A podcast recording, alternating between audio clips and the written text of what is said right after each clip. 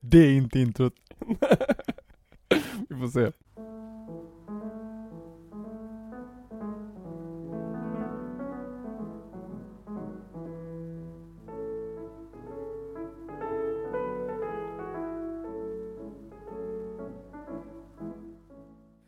Ja, nu ska jag, jag tänkte jag skulle eh, hälsa välkomna med en annan fras. Ja, bra idé. Du lyssnar på Alla Tiders Podcast från Ringen i Göteborg. Oj, nu är det radio. Ja, det blir radio. Ja, Ja. nu är det radio. Jag heter Carl-Magnus Juliusson Jag heter Sebastian Berner. och eh, vi ska idag prata lite, jag tänker ett av Sebastians kanske expertisområden Ja, faktiskt det är ett ämne som ligger mig jävligt nära om hjärtat. som vi ändå inte har pratat om hittills. Det har vi inte gjort, men vi har inte pratat om så många av våra förvistområden än. Här har vi det. Vi har faktiskt inte det, vi har verkligen Nej. beat around the bush när det kommer till det. Ja, avsnittet. faktiskt. Jag vet inte varför har vi gjort det. det kanske, man, är så, man är så nervös också för att ta i det riktigt Det goda. är lättare att prata om ämnen man inte kan så mycket om. Ja, faktiskt. Konstigt nog, men nu, det är som press också ju. Ja, det är det. Och så vill man göra det som rättvisa. Precis. Men vi ska alltså prata om eh, italienska renässansen Ja, och en av de största poeter då, som heter Petrarca. exakt. Världens, eh, nej, en av de tidigaste helt moderna människorna som han kallas av Jakob Burckhardt i ett standardverk till renässansen. Ja. Någon som är född 1304, hur kan det vara en av de första moderna människorna? Ja, det, det är en bra fråga. Det vet, i- det vet inte jag om jag vet. Jag är inte så bra på moderna människor. Jag är bättre på 1300-talsmänniskor tror jag. Men han är ju modern. Ja. Det är ju samma sak. Ja, vi kan komma in, vi kommer komma in på det tänker jag. Vi, vi försöker gräva lite i Petrarcas psyke kanske. Mm. Det är ju speciellt, det sticker ut från hans tid. Absolut. Ja. Han är ju ny. Eh, han är ju, alltså han grundar ju humanismen kan man ju säga, eller det är det alla pratar om. Och det är Mm. Ja. väl lite det vi ska utgå från också. ja, men Jo, precis. vad är, innebär det? Italienska renässanshumanismen. Exakt. Men det är väl det. Vad är, men för det är ett ord som slängs omkring mycket. Men eh, ja, vad, vad, vad, är det, vad är det? Och vad menas med att grunda något sånt? Och vad är den i sitt tidiga stadium? Mm. Eh, men han är ju absolut en av mina stora förebilder. Ja, det är så. Ja.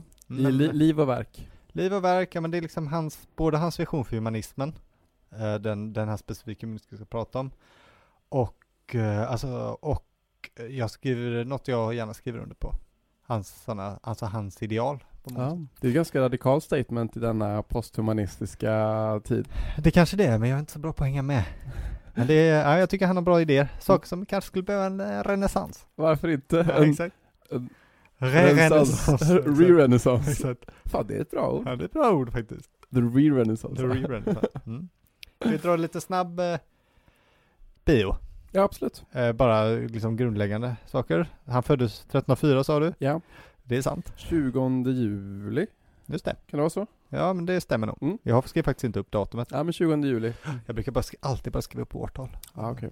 Jag vet inte varför jag tycker det är härligt att veta även tid på året. Nej. Det är där, Men det säger kanske något. en sån här smyg eh, horoskopinställning, men den ska man helst inte ha men jag har den ändå när det Nej, kommer såna här saker. Ah, han är en sommarkille. En sommarkille. Ja. Ja. Exakt. Eh, född Francesco Petracco. Mm. Heter han ju Petrarca är ju faktiskt en latinsk variant av hans namn. Ja, ja, ja. Som är, jag vet inte varför Petracco inte skulle funka på latin, det är med, men ja, tydligen. Mm. Tydligen inte. Det låter ju bättre än Tarka. Ja, faktiskt. Men han föddes väl i Arezzo då? Ja, rätt så ja, i Mm. Toscana. Det var florentinskt herravälde även där, men det låg, han är alltså inte från Florens, vilket man kan ju, många ofta tror. Ja. Han brukar ju räknas till de så kallade tre kronorna. Dante, Boccaccio och Petrarca. Ja, ja, ja. De Flor- Florens tre kronor. Så kan man ja, ja, ja, Han visst. är, är, eh, men han är ju inte från Florens, så ingen av de tre levde ju särskilt mycket i Florens. Eller jag Dante Nej, gjorde ju det. man har väl lite koppling till Florens. Han har koppling till Florens, hans pappa eh, var ju, bodde ju verksam i Florens. Pietro? Pietro, ja, precis. Mm. Ser Petracco kallas han ju oftast. Ja, ja. Han var ju faktiskt kompis med Dante, ja, ja. eller kompis kompis, de tillhörde ju båda samma politiska organisation. Okej. Så att anledningen till att eh, Petrarca bodde i Arezzo, och inte i, i eh, Florens, var ju samma anledning till varför eh, Dante spenderade, är, dog i Ravenna.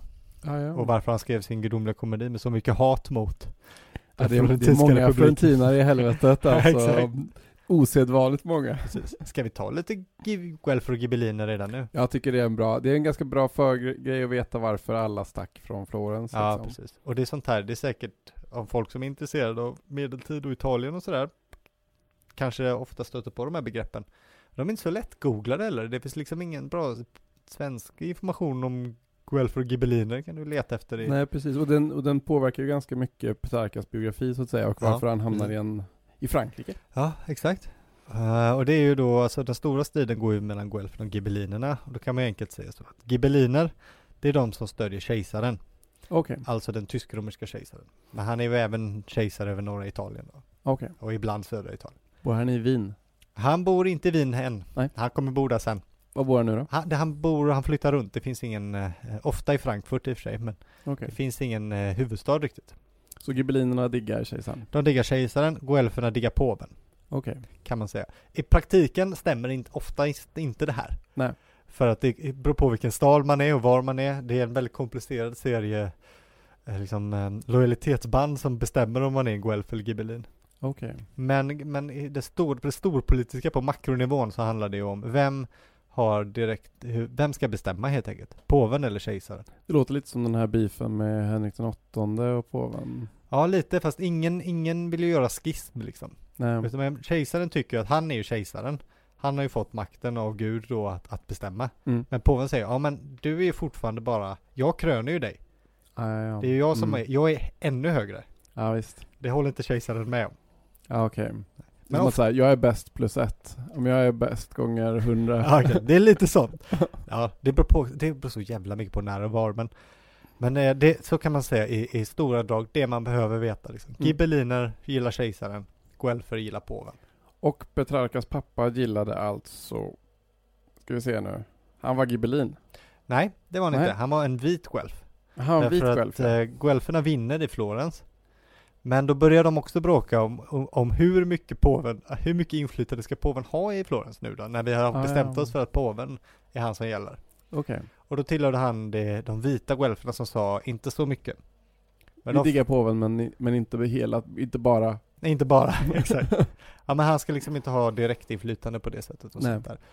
Eh, och eh, de, förlor- de, men de blev ju utkörda av de svarta guelferna. Okej. Och där är vi, därför han blev utkörd. Ser Petracco Mm. var tvungen att sticka till R1 så. Och, eh, och jag är rätt så är väl bara en, det är väl en mellansteg då på väg till Avignon då. Det är det ju. Som Absolut. är eh, slut, deras slutmål va? Precis. Härlig stad. Ja, där du precis har varit. Prisvärt. Om man Ja. följer vår Insta så kan man följa min. Inga coronavirus hoppas vi. Nej, nej men det är- var inte, det är inga i tal, eh, där i Frankrike, inte så farligt. Ja, vad skönt. Gött. Hachi. Mm. jag satt faktiskt och hostade, jag fick en riktig hostattack på spårvagnen förut. Jag var tvungen att gå av för att jag kände mig så Uttittad. uttittad. Ja, så kan det vara. Mm. Men ska vi se, alltså i då Petrarca, han, bo, han växer upp då i Avignon va? Ja, precis. Och han De flytt- pluggar väl i Mon- Montpellier ett tag, det, det är väl fortfarande en studentstad idag va? Ja, det är det. De bodde i, vad heter den, Carpentre eller något sånt där också. Okej. Eh, som låg i närheten av Avignon. För pappan fick ju ett jobb. Han var ju eh, någon form av jurist Mm. och fick ett jobb i hovet, påvehoven där. Påvehovet där. Därför att påven flyttade 1309 till Avignon. Mm. Ja just det, är det det som är den babyloniska fångenskapen? Ja, precis. Det kallas så ibland. Det är ganska gött, Det är eh, ganska gött ord. gött ord. Ja, det har kanske fått, ett- det har fått ett väldigt negativt rykte i efterhand. Det här för att det liksom var en tid av ofantligt eh, påvligt eh, dekadens och så. Ja, ja, ja. Men det var också väldigt, det var ju här eh, liksom De modern... söp Mm. mycket i Avignon alltså. De gjorde ju det, absolut. Men det är även här cent- centralorganiseringen börjar födas i Europa igen och sånt där. Okej. Alltså påvehovet går till att ha en, eh, eh, det kanske inte låter så mycket, men en personal på 500 personer som jobbar helt enkelt med administration och sånt. Mm. Man startar en, att starta upp det som sen blir statssystemet helt enkelt, Okej, kan man säga. Det är lite töntigt, men det, så är det i alla fall. ja visst. Mm. Men eh, Petrarca då, han, eh, han ärver ju ganska mycket pengar efter sin pappa. Ja. Men eh, de eh, slösar ju bort det. Ja. Han och hans syskon va? Inga bra på pengar. Nej, och då blir han prästvigd Ja. och eh, huskaplan hos en snubbe som heter Giovanni Colonna då. Mm. Och, men Colonna, han var väl gibellin va? Ja, alltså det, det är sånt där, det, du hör ju själv. Ja, fan Saker vad går struligt. inte i, i som det ska. Och låg väl i strid med då familjen Orsini som Ja. var guelf, men då var de svarta guelfer då. Nej, det här, de är i Rom väl, Orsini och, och Ja. kolonna är i Rom, så då är ro- det, svarta och Mm. vita guelferna är en fråga om eh, Florens. Florens. Ah, okej, okej, okej. Ja, precis. Ja, men Petrarca förlorar- han blir prästvigd. Det blir han också delvis för att han inte vill jobba med samma sak som sin pappa. Ja, Ah, ja. Han Han, vill ju- läser väl juridik i Bologna också? va? Ja, han kallade det för eh, sju bortkastade år tror jag. Oj. Ja, det var hårda ord. Ja, nej, han ville inte hålla på med sånt. Nej. Och då var ju prästvigning ett bättre för att kunna få ett mer intellektuellt arbete. Ja. Och Colonna är ju en av liksom de Italiens kanske längsta och största adelsfamiljer någonsin Ja. väl. Som Ja, har, det är det. de har väl dominerat eh, italiensk liksom, politik sedan 1300-talet, i alla fall in på 1800-talet. Ja, ja. De finns väl kvar, gör de inte det? De finns fortfarande kvar och bor ju i ett 1600-talspalats i Rom som eh, Ja, varje Piazza s- Colonna. Ja, precis. Som varje söndag tror jag öppnar upp sina konstgallerier. Ja, det är så det är. Ja. Och det sägs att deras namn kommer från den här Tra- Trajanuskolonnen i Rom som inte Mm. ligger så långt från deras eh, palats. Nej. Och eh, Petrarca har faktiskt skrivit en, eh, en dikt i den här Canzonieri som är till familjen Colonna. Jaha, Med då en liten vits som är mellan hans namn och ordet för kolonn. kul. Som heter väl Columna eller sådär tror jag på, Ja. på latin i alla fall. Och som då börjar då kolonn av ära höjd. Höjd på vilken vilar vårt hopp och latiens stora namn tillika. Du som ej en Jupiter lät vika från rätt vägen med sin vredes pilar. Coolt. Ja, och så fortsätter den så. Ja, coolt alltså. Ja, så att eh, de, jag tror att han, eh, var väl ganska upp, han uppskattade väl dem en del i alla fall tror jag. Ja, ja det verkar så. Han blir ju eh, eh, lagerklädd. Det kanske vi kan gå in på. Han börjar ju skriva ganska tidigt, eh, redan under sina juridikstudier tror jag. Eh, och framförallt i hans stora tidiga verk är ju Afrika. Ja, ja, ja. En, eh, en, en, ett epos om eh, det andra puniska kriget, om Sk- och Scipio, Scipio Africanus. Var det den han var mest känd för på den tiden?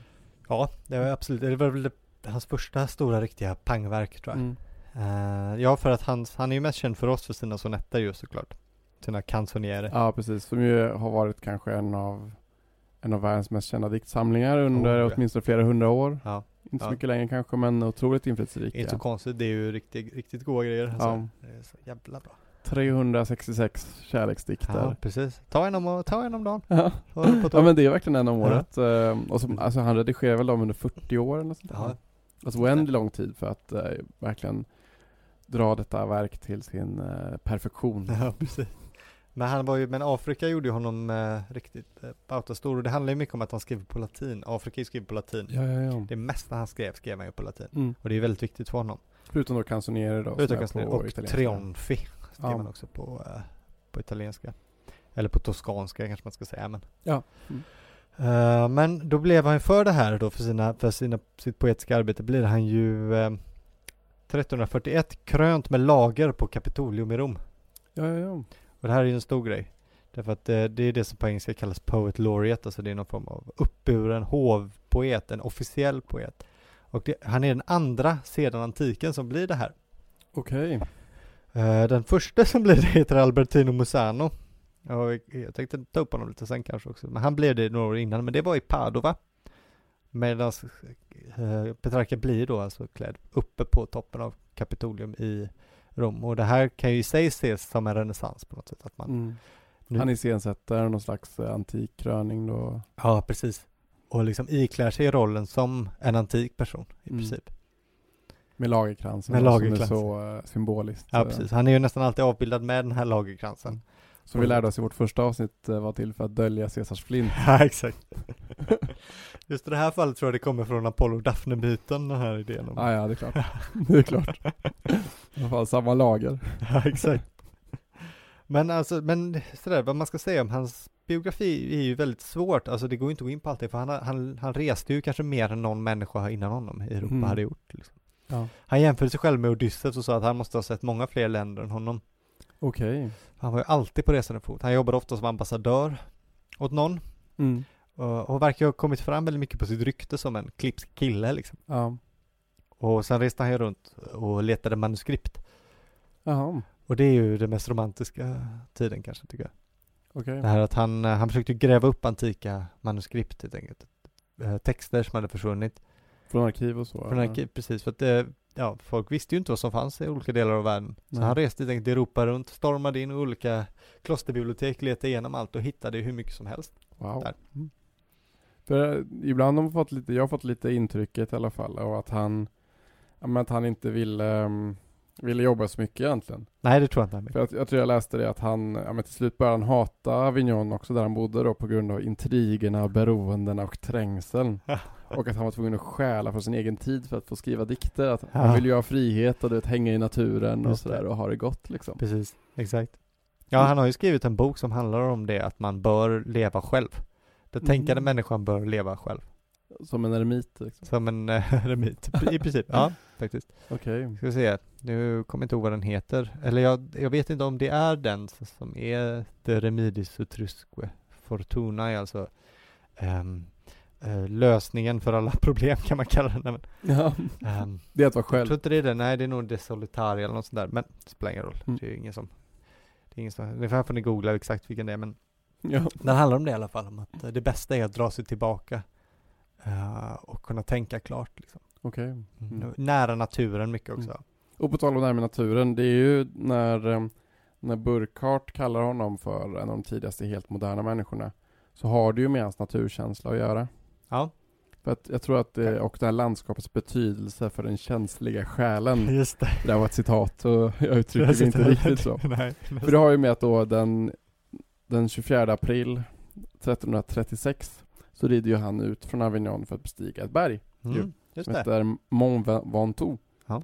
Som då är 1912 meter högt. Det, det, det är högst, alltså jag visste inte det var så högt. Såg du det i, i Avignon?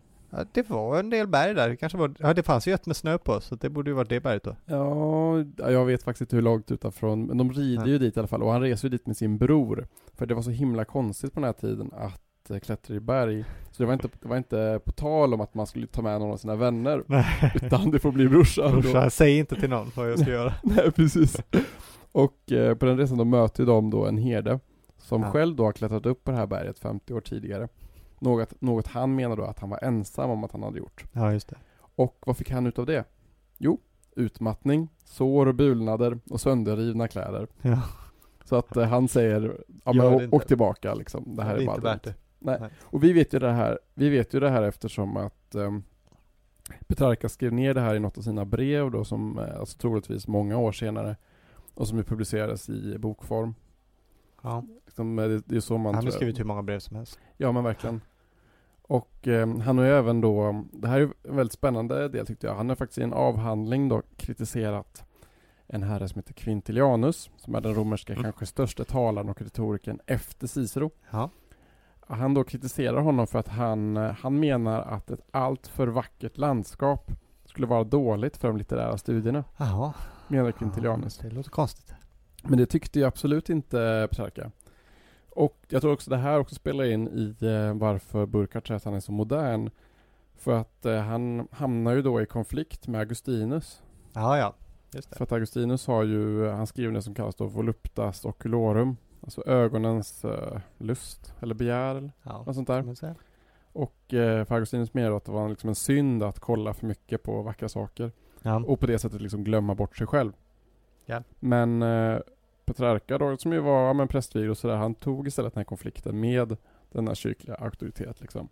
Istället för att bara underordna sig så tog han ändå en, liksom en argumentativ konflikt typ. ja, det kan man säga. Ja, han, det, Eller? det finns ju vissa, det finns ju två skolor om den här frågan var vissa menar ju att renässansen börjar på vägen upp för berget.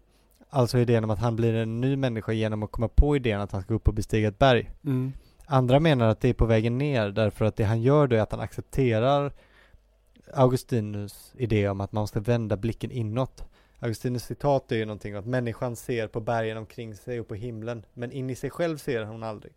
Och det menar han är en dålig sak då att på vägen ner så inser Petrarca på något sätt att det är inte det introspektiva livet som är det viktigaste livet. Okej. Men det, Ja. det är folk, folk bråkar om det här.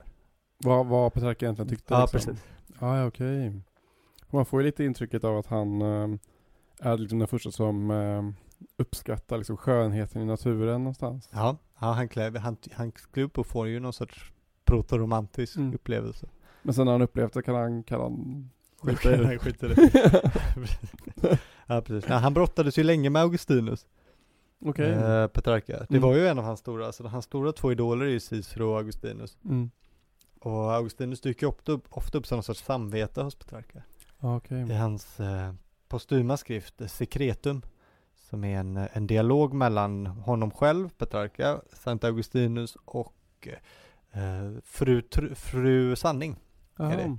Lite som fru filosofi, Boetius och sådär. Ja, ja. Eh, där är det ju mycket, där är det ju att han eh, liksom stöter idéer mot Augustinus mycket, eller snarare att Augustinus utmanar hans idéer. Ja, ja, så han får argumentera för sig liksom. Precis. Mm. Där kommer ju den här eh, intressanta teologiska aspekten av eh, canzonier- canzoniere. Mm.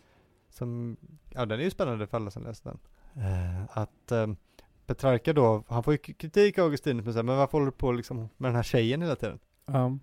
Eh, Hon är ju inte din fru för det första liksom. Och, Nej. och är inte, vad är det här är inte bra? Då säger Petrarca att nej, in- för att om man, ser, man måste se det hela vägen. För det, är- för- först och främst så menar han att han älskar Lauras själ då, och hennes, Ja, ja, inte Karaktär. hennes body. inte hennes body. Sen är, det ju- verkar ju inte som att han har pratat med henne så mycket så att det är ju Nej. en oklar, oklarhet. Men man menar också att, att hans kärlek till Laura, den får honom att vilja söka äran. Liksom. Eh, Kär, kärleken till kvinnan driver honom mot äran. Men äran, Nej, det är så bra då. nej, men vi kommer, det går vidare. Nej, det är inte bra. Men äran, den får honom att börja tänka på sin, sitt eftermäle och evigheten. Mhm. Och evigheten får honom att inse att eh, det är ändå därför han måste vända sig till Kristus, därför att det är bara han som kan säkerställa evigheten, eller som kan garantera evigheten. Och på det steget, lite som en sån här Yoda-grej, ja, ja. så kommer han fram till... eh, sitt Men han f- slutsteg. måste fortfarande lägga 40 år på att göra klart de här riktiga. Det måste han göra. Han kan inte bara komma fram till att de här inte är viktiga, så skita i dem. Nej, nej det är inte viktigt, för han, må- han eh, nej det kan han inte. Nej. Man måste fortfarande göra allting. Exakt, Det är fel att knarka, men måste göra det först för att komma fram till. precis. Ja, nej det finns, eh, det finns lite hål kanske. Har du eh, koll på Laura förresten? Eh, ja, jag vet ju att hon eh, kanske var någon fransk adelskvinna. Alltså det, är ju, det här är ju ganska sjuk historia då. Alltså, m- men för de som inte vet alltså att, då att Petrarca skriver ju de här dikterna till någon som heter Laura. Precis lite som att Dante skriver till eh, Beatrice och Stagnelius skriver till Amanda och Propertius till Cynthia och Catullus till Espia och sådär. Ja. Men, eh, och han känner ju henne knappt, knappt, men han ska ha sett henne då första gången den 6 april 1327 i kyrkan Santa Clara i Avignon. Ja, just det. Och den dagen återkommer i hans dikter och sådär. Det är liksom Precis. den, en viktig dag liksom för, för honom. Och sen ska hon ha dött i digerdöden 1348 sägs det. Ja, hon, han ska ha sett henne och hon ska ha dött båda på en långfredag. Ja, precis. Mm. Och, eh, men det finns också lite olika teorier här då. Å ena sidan tror vissa att vi idag inte vet någonting om Laura. Nej. Men det finns en, eh, en ab, abbe, abbe En abbe här. på 1700-talet som menar att Petrarca, Petrarcas Laura var Laura de Nov som sedan gifte sig med hans förfader Ygg. Ja, just det. Och eh, hon ska då ha gift sig två... Yggdesad va? Exakt. Äh, förlåt, spoilade jag dig? Ja, du, du är lite, du är lite burnare. Men eh, nej. hon ska gifta sig då två år innan Petrarca såg henne i kyrkan. Det är därför då som eh, hon var oåtkomlig ju för, Ah, ja. för honom. Visst. Och eh, på Wikipedia står det att det är då samma person. Men man vet ju faktiskt inte det. Nej. Men eh, denna, denna abbé då, han heter ju de Sade. Så alltså skulle alltså Petrarcas Laura vara släkt med Marquis de Sade. Just det. Vilket är helt sjukt. Ja, det är sjukt. Och eh, Marquis de Sade bodde ju ett år hos sin farmor i Avignon. Amen. och, han, och vars farbror då, abbé Jacques de Sade, hade ett gods i Provence. Fyra av de Sades farbröder hade kyrkliga ämbeten liksom. Ja. Men eh, det är rätt sjukt att tänka sig att Laura är släkt med Marquis de Sade. ja, det är galet. Det är ändå helt, Ja, ja, ja, det är faktiskt helt tokigt. alltså det, det rör ju till det i huvudet så att Ja, säga. det gör det. alltså, Det är långt, det är långt mellan Marquis de Sade och Petrarcas sonetter. Jo, och den vägen går neråt. så att säga. Ja, den, den går ut för så att Ja, säga. faktiskt. Men det är ändå en sjuk koppling liksom. Ja. Men alltså, jag läste också att Petrarcas sponsor då, Giovanni Colonna, alltså han tvekade ju om hon fanns på riktigt. Jaha, Och han är ändå hans sponsor Han är ändå hans och vän sponsor. och leder samtidigt som han var osäker Just det. på om Laura fanns. Och då ska Petrarca ha svarat att hans kärlek var bara allt för verklig. Den vållade honom ständigt lidande och han kunde, hur mycket han än försökte, inte bli fri från den. Nej. Så, eh, så vem vet? Vem vet, men det finns ju också möjligheten eh, att eh, det är bara är en språklig finurlighet ju. Ja. Dels har ju Laura väldigt likt ordet för lagerblad och Mm. det- idén om poe poesin. Och sen så finns det ju mycket, det finns ju ganska många ordvitsar på Laura och eh, alltså aura då som betyder vind. Ja just det, i han rimmar ju canzoniere. mycket på Laura, Ja. precis. Precis. Men han, eh, det känns som att även om det är liksom en vits typ, så um, han höll ju kvar vid det i Ja, alla ja, fall. att han absolut. ville ju inte att de skulle tro att, att han hade hittat på det. Nej. Då, liksom. Ja, exakt. Men, Det är ju eh, också intressant för han hade ju barn med någon annan kvinna. starka. Ja. Han hade, han hade antagligen två barn. Eh, och, ah, Man vet inte om det var med samma kvinna eller olika. Jaha, Men eh, stipplar. det hade han. Men det verkar som att de har, de har second till eh, Laura då. ja, om inte hon heter Laura också. Ja, antagligen inte. Man Men vet, kanske. man vet ingenting om Men han. kanske. Man vet ju vad barnen hette. Hette Francesco, sonen. Som, man, som han själv då. Som han, se- hette han det förresten? Eh, nu är det bara, har jag bara skrivit upp dotters namn här. Eh, hon heter Francesca. Ja, ja. Det var därför jag började undra då om dottern verkligen hette Francesco. Det kommer jag inte ihåg, men han dog av pesten i alla fall. 1361. Sonen. ja. Dottern däremot le, eh, levde länge och hon och Petrarca bodde tillsammans.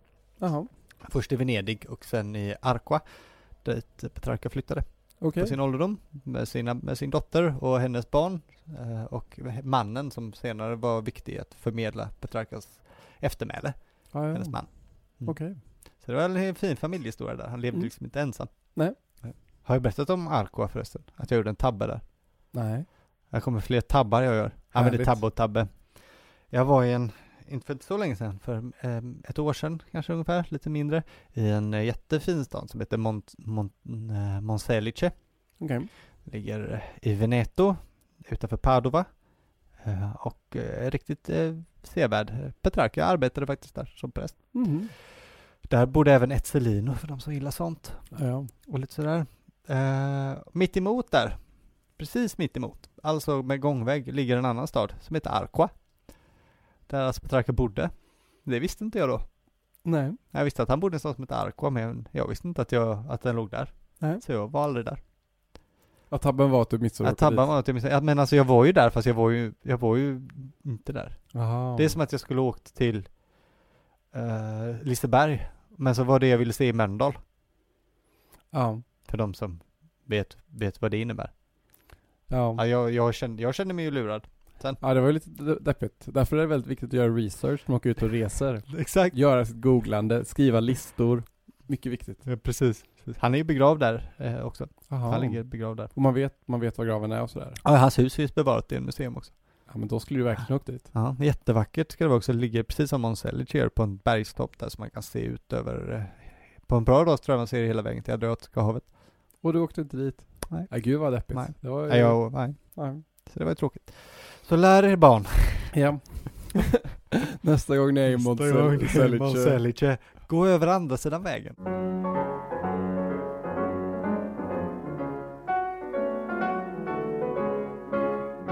Men du kan inte göra det nu. Du får vänta Nej, du tills, får eh, gör det inte nu. tills pandemin är, pandemin är över. Precis.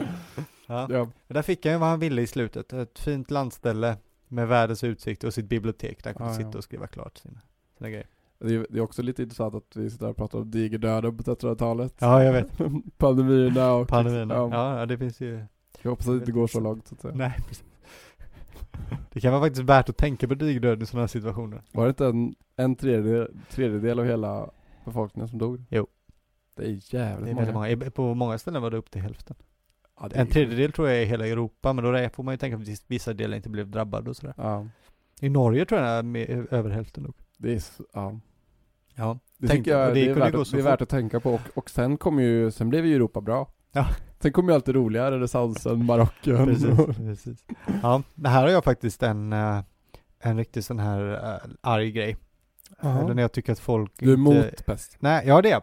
Men jag tycker folk är konstiga och inte vet vad de pratar om och det kan vi ju nämna här med Petrarca är en del av det, men det är den här idén om att eh, det är först här som människan lämnar den här medeltida föreställningsvärlden av en väldigt grym värld. En värld där framförallt en värld präglad av en kristendom som är väldigt hård, som bara handlar om efterlivet och där bär- livet är en jämmerdal. och Ja. sådär. Det, det tycker jag är en total falsk bild av hur det fungerar. Alltså om det finns någon tid som är tiden för, för väldigt glad och positiv kultur så är det ju verkligen mellan åren 1100 till 1340 skulle jag säga. Jaha. Det är bara Allt det roliga slutar med renässansen menar du? Nej, nej, inte riktigt. Det, det går två spår sen. Det Okej. här, det här, jag, det här, det här jag, jag har min, min grej. Ja men det är så, jag tycker bara folk kollar på fel ställen. De kollar ju bara på teologiska skrifter och säger ja kolla här, vad de här munkarna, vad deppiga de är. Ja. Vad de tycker. Men liksom, det här är ju guldåldern för sån här folklig, alltså nu pratar vi mycket om det religiösa livet, men sån här folkliga passionsberättelser och fester och det var ju, de hade ju, Marknader och torgspel och Ja, medelarte och sånt där. precis, Mm. allt sånt här håller ju på nu. Det som händer med digdöden är att det är då kommer ju den här riktiga idén om att, liksom, straffets tid. Ja, Och- Att de förtjänar det liksom. Ja, precis. någonstans. Det är ju inte konstigt heller, tänk om du bor i en stad och så drar pesten förbi en vecka så har hälften dött. Ja, Det bara ligger höga med döda människor överallt och alla Mm. du känner. Det är klart att folk blev lite ja. kajko liksom. Och vill hitta mening i det så att Ja. säga. Det är klart du tror att världen går under om alla dör. Mm. Ja, ja, Det är ju det. det var definitionen av Definition. världen. Ja. Precis. Men sen därifrån tycker jag, det är, det är där det föds en, en väldigt eh, en, en väldigt puritansk ideologi på något sätt. Ja, som ja. ju egentligen, egentligen får sin höjdpunkt, inte på medeltiden utan på 1600-talet. Ja, ja. är ju den puritanska eh, guldåldern egentligen. Och man tänker att det är bet- bra att vara puritansk för att det inte ska hända igen då. Ja, och så det att, kanske. ja, men det är som den här, ehm, eh, ja, men den här stenen här, den håller tigrar borta. Ja. Bara, vadå hur kan du göra det? Men ser du några tigrar? Exakt. Ja, ja, men så det tycker jag. Jag tycker att eh, medeltiden får ett så sjukt dåligt rykte. ja, Eh, Och det här är ju sådana gre- gränser mellan eh, renässans och medeltid och allt sånt där kan man ju prata om i evighet. men- ja, precis. För den här renässansen som vi pratade om, alltså det, det mesta i Europa är ju fortfarande medeltid. Alltså, Absolut. Euro- typ Sverige är väl medeltid i åtminstone 200 år till. Jo, när börjar man säga renässans? Om man nu ens ska säga att renässansen kom till Sverige. Är inte så det är det- 1500-tal? Jo, typ, det är eller? 1500-tal. Jag skulle kanske till och med mena att det är typen med drottning Kristina. Men då är den ju över överallt annars. Men Ja, verkligen. Så att det är så här, det är, Ja. och det här då är alltså början på 1300-talet, det är ju här renässansen liksom kommer till. ja, någonstans- ja någonstans, men det är det ju liksom. verkligen. Eh, Men ja, ska vi gå in lite på humanism? Men det är väl kul? Det är ju kul. Eh, Petrarca är ju humanismens fader, säger, Ja. man, säger man ju. Ja, det brukar man ju säga, ja, åtminstone. Jag vet inte om han han kom väl inte på det själv liksom, men... jo, eh, han gjorde kom på det? begreppet. Jaha. Ehm, det gjorde han faktiskt.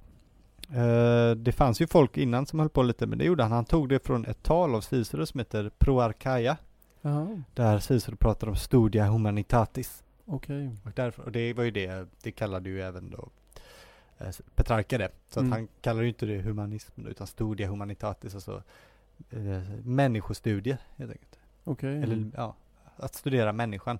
Och det här var ju en reaktion mot eh, skolastiken egentligen och Ja. Aristotelesen. Alltså men det, är- det är väldigt intressant tycker jag. Det, det är viktigt att påpeka, tycker jag, som håll, det jag ska, håller på, det är ju, mi- håll på lite med det här i, i studier, i latinstudier och sådär, Mm.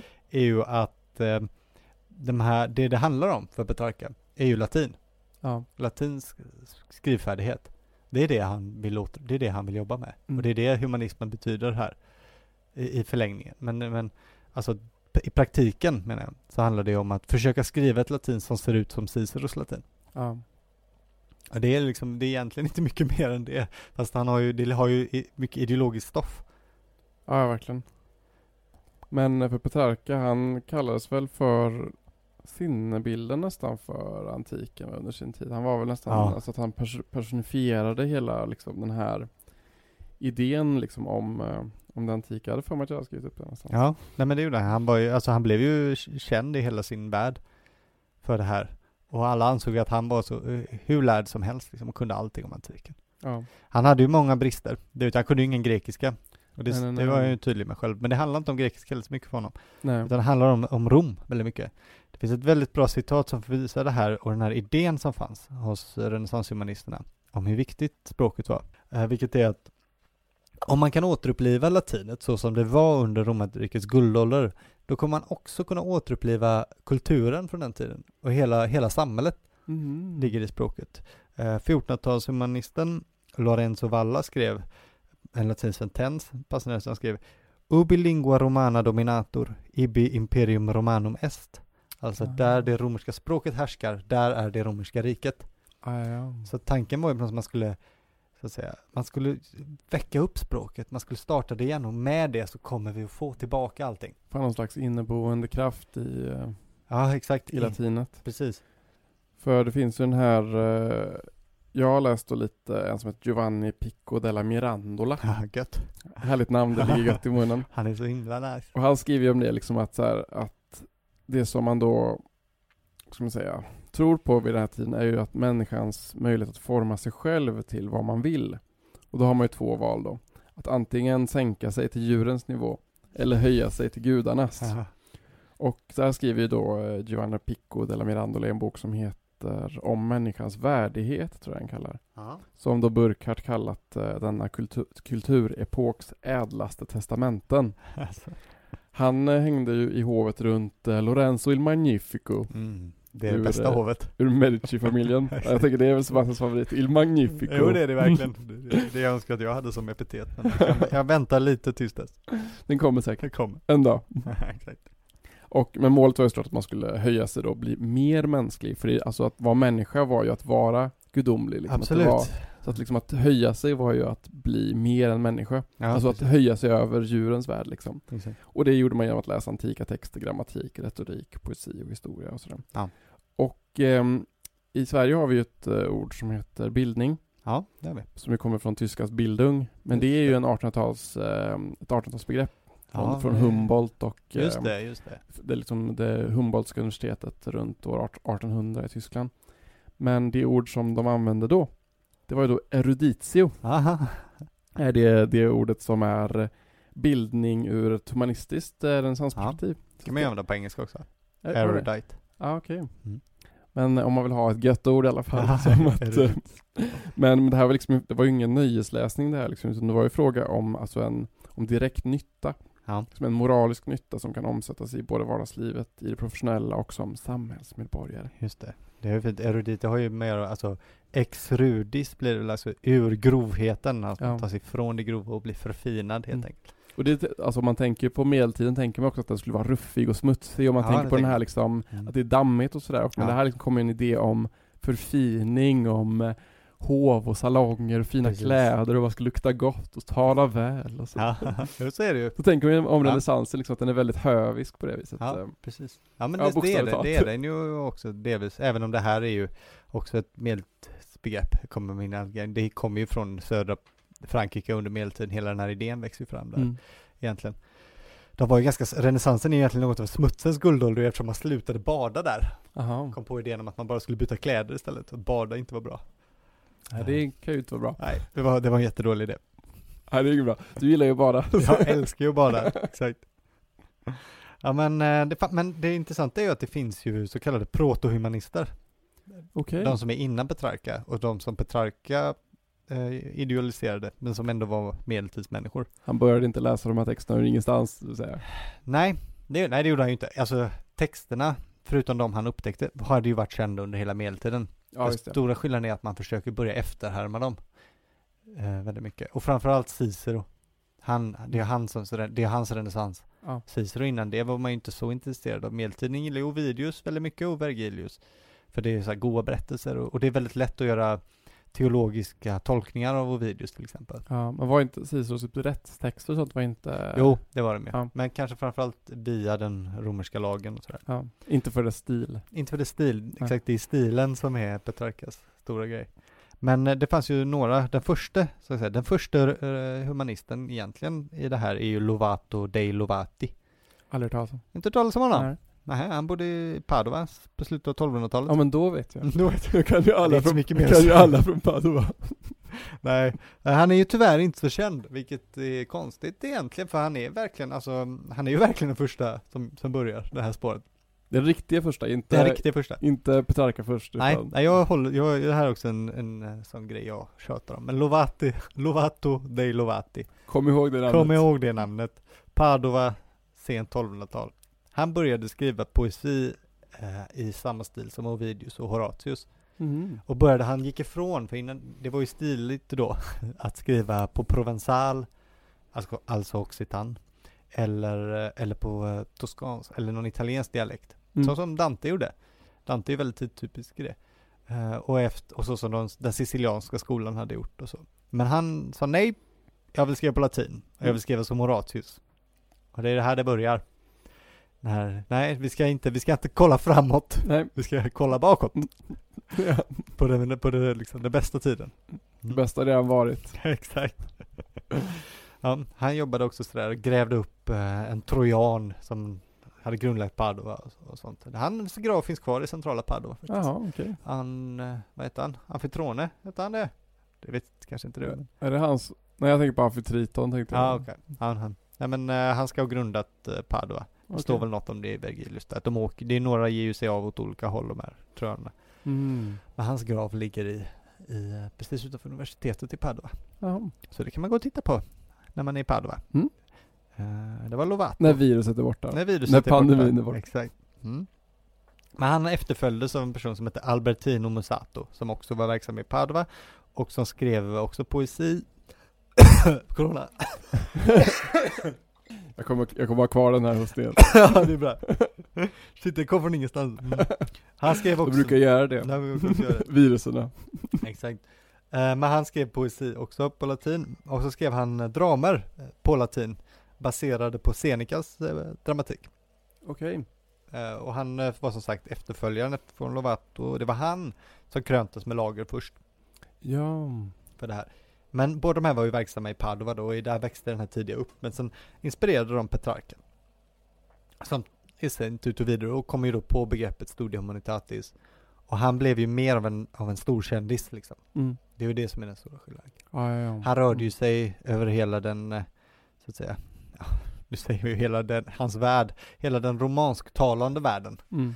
Och, eh, och ju- hade ju stor påverkan, rörde sig i hov och sånt. Så det är klart. Det- Mm. Alltså Lovato och Albertino la- var ju eh, universitetsmänniskor. Mm. Det var ju inte Petrarca, han tyckte väldigt illa om universiteten. Ja, ja, visst ja. Ja, sju bortslängda åren. Ja, exakt. Mm. Ja, men även eh, andra studier än juridik, han tyckte inte alls om institutionen utan Nej. det här ingår ju i hans idé om den enslige tänkaren på något sätt. Att Den fria, fria själen. Precis. Men sen eh, blev, påverkade han ju Boccaccio såklart och därefter så har vi ju, är humanismen ett faktum. Yes. Så är det. Mm. Och han, eh, ja, han är också mer, han har ju en ideologi också Petrarca, det har ju inte de andra riktigt. Nej. Han hatar ju Aristoteles Jaså? och skolastiken, men han tycker, han sa ju att Aristoteles ehm, eh, han sa så här, Aristoteles vet ingenting om mänsklig lycka, som inte en gammal kvinna eller fiskargruppe vet mycket bättre. Jaha. För han Han var väldigt så anti-elitist då någonstans eller? Ja, det var han väl. Han menar ju i och för sig att då Cicero, Seneca till exempel och Augustinus visste allt om mänsklig lycka. Ah, ja, okej. Men han, det är ju det här att eh, Aristoteles vill ju titta på världen och, och de här skolas, skolastikerna, de vill ju undersöka Gud och Sitta i sin cell och Naturen. skriva och sådär. ja, precis. Mm. Och det handlar ju om definitioner och, och logiska slutsatser och sådär. Mm. Skit i det tycker Petrarca. Mm. Det är inte viktigt. Det viktiga är att kolla inåt och försöka upptäcka hur lever man ett lyckligt liv? Ja. Det var en fin eh, anekdot jag hittade förresten också som var att ehm, han klättrade ju inte bara i berg. Utan enligt Burkhardt så Jaha. brukade faktiskt eh, Petrarca klättra upp på de här eh, Diocletian-termerna, stora valv Jaha. i Rom tillsammans med Giovanni Colonna. Och Kul. eh, prata historia och gå där uppe bland tystnaden liksom och eh, med utsikt över hela Rom och Vad sånt där. mysigt det låter. Det låter ju fantastiskt. Det vill jag också göra. Och eh, Får det man. stora där var ju då att de pratade ju historia då, inte politik och inte sådär Nej, liksom. Och att eh, Colonna då, han föredrog ju den kristna historien. Men Petrarca Ja. föredrog den antika. Alltså hans sekretum då som handlar om, ja, de svåra moraliska frågorna. Så citerar han ju, även om det är ett genomgående kristet verk och det handlar ju om hur man når eh, förälskning, så citerar han ju antika författare mycket oftare än han citerar kristna. Ja, men i, alltså, i Canzonieri finns det, det är ju en lite märklig liksom eh, mix någonstans. Som det, är både, det är både Petrus och Maria och Amor och Ja. så här, i någon slags eh, Ja men det är ju en väldigt speciell mix mellan både kristen tematik och de här antika gudarna och eh, Ja. på ett väldigt speciellt sätt ju. Ja, det, det kan framstå, f- från vårt perspektiv tror jag det framstår som saker som inte hör ihop alls. Ja, att man, oftast får man välja det liksom. Men jag tror inte det, det var så alls Nej. för honom, utan han såg ju att de här människorna besatt en, en visdom och en sanning liksom. Mm. Och det är ju det som är det viktigaste. Ja. Ehm, och sen, eh, men att det skulle finnas en, eh, för det tycker jag, det är ju, ser man ju gärna eh, ur ett perspektiv, alltså den här sep, eh, en brytning mellan en sekulär kunskap och en religiös kunskap. Mm. Men den finns inte riktigt där, tycker jag, inte om man läser det i alla fall. Nej.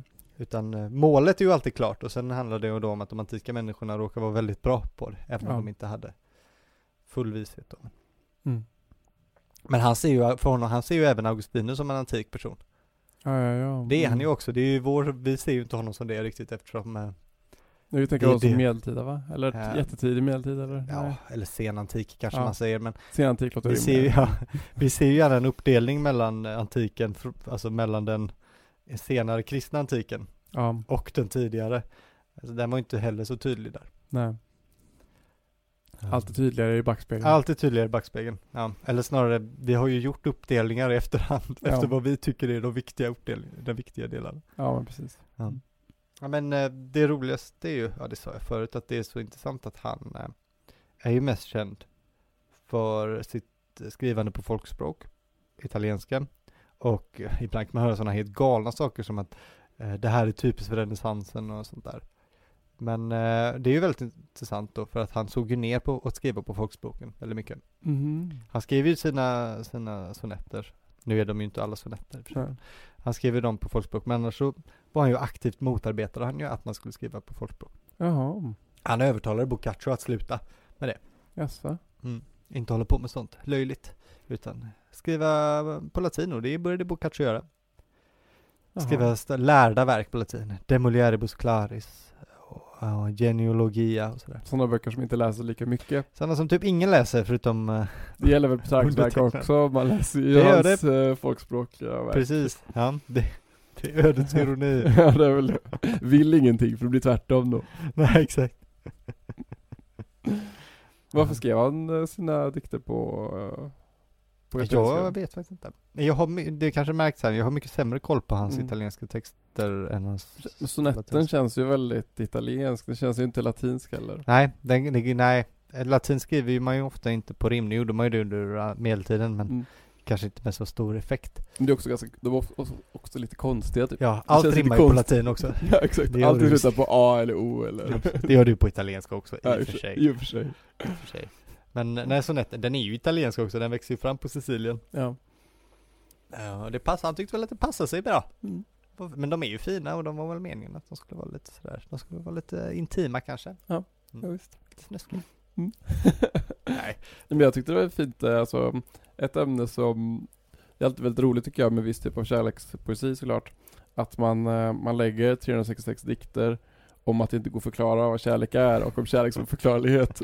Att så, här, Ja, så mycket poesi som bygger på att bara säga att det inte går att förklara vad jag känner. exakt. Man har ju många sådana, liksom typ som här nummer 95 är ju så här. O kunde jag i verser sluta inne min tanke. Ja nu, nu pajade jag rimmet där, jag ska- jag måste säga det igen. O kunde jag i verser sluta inne min tanke, så som jag i hjärtats rum.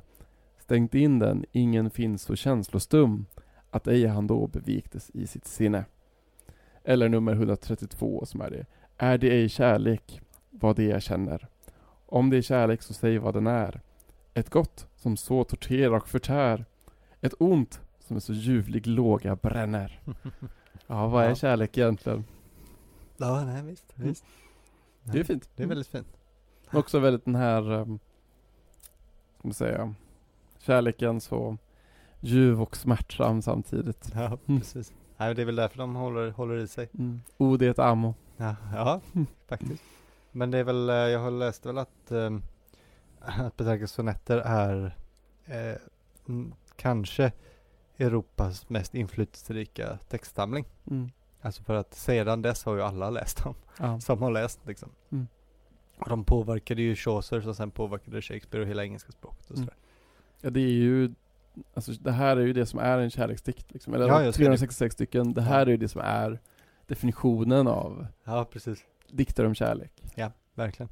Ja, nej men eh, jag vet inte vad man ska säga om hans, eh, alltså om humanismen. Den spinner ju vidare från honom och blir ju mer, konsten kommer in i renässansen sen ju, är ett, som ett efterled egentligen från de litterära ambitionerna. Mm. Först kom man på idén om att återuppliva det latinska språket. Sen kom man ju, börjar man ju hitta massa antika skulpturer och vill göra efter dem. Ja. Och sen går, spinner det ju vidare i evighet liksom. De, de grävs väl ut successivt där, alltså mycket Ja. på 1500-talet också. Ja precis, det kommer fanns ju fram. ingenting vid den här tiden. Nej. Alltså 1300-talet och början av 1400-talet fanns ju inget sånt.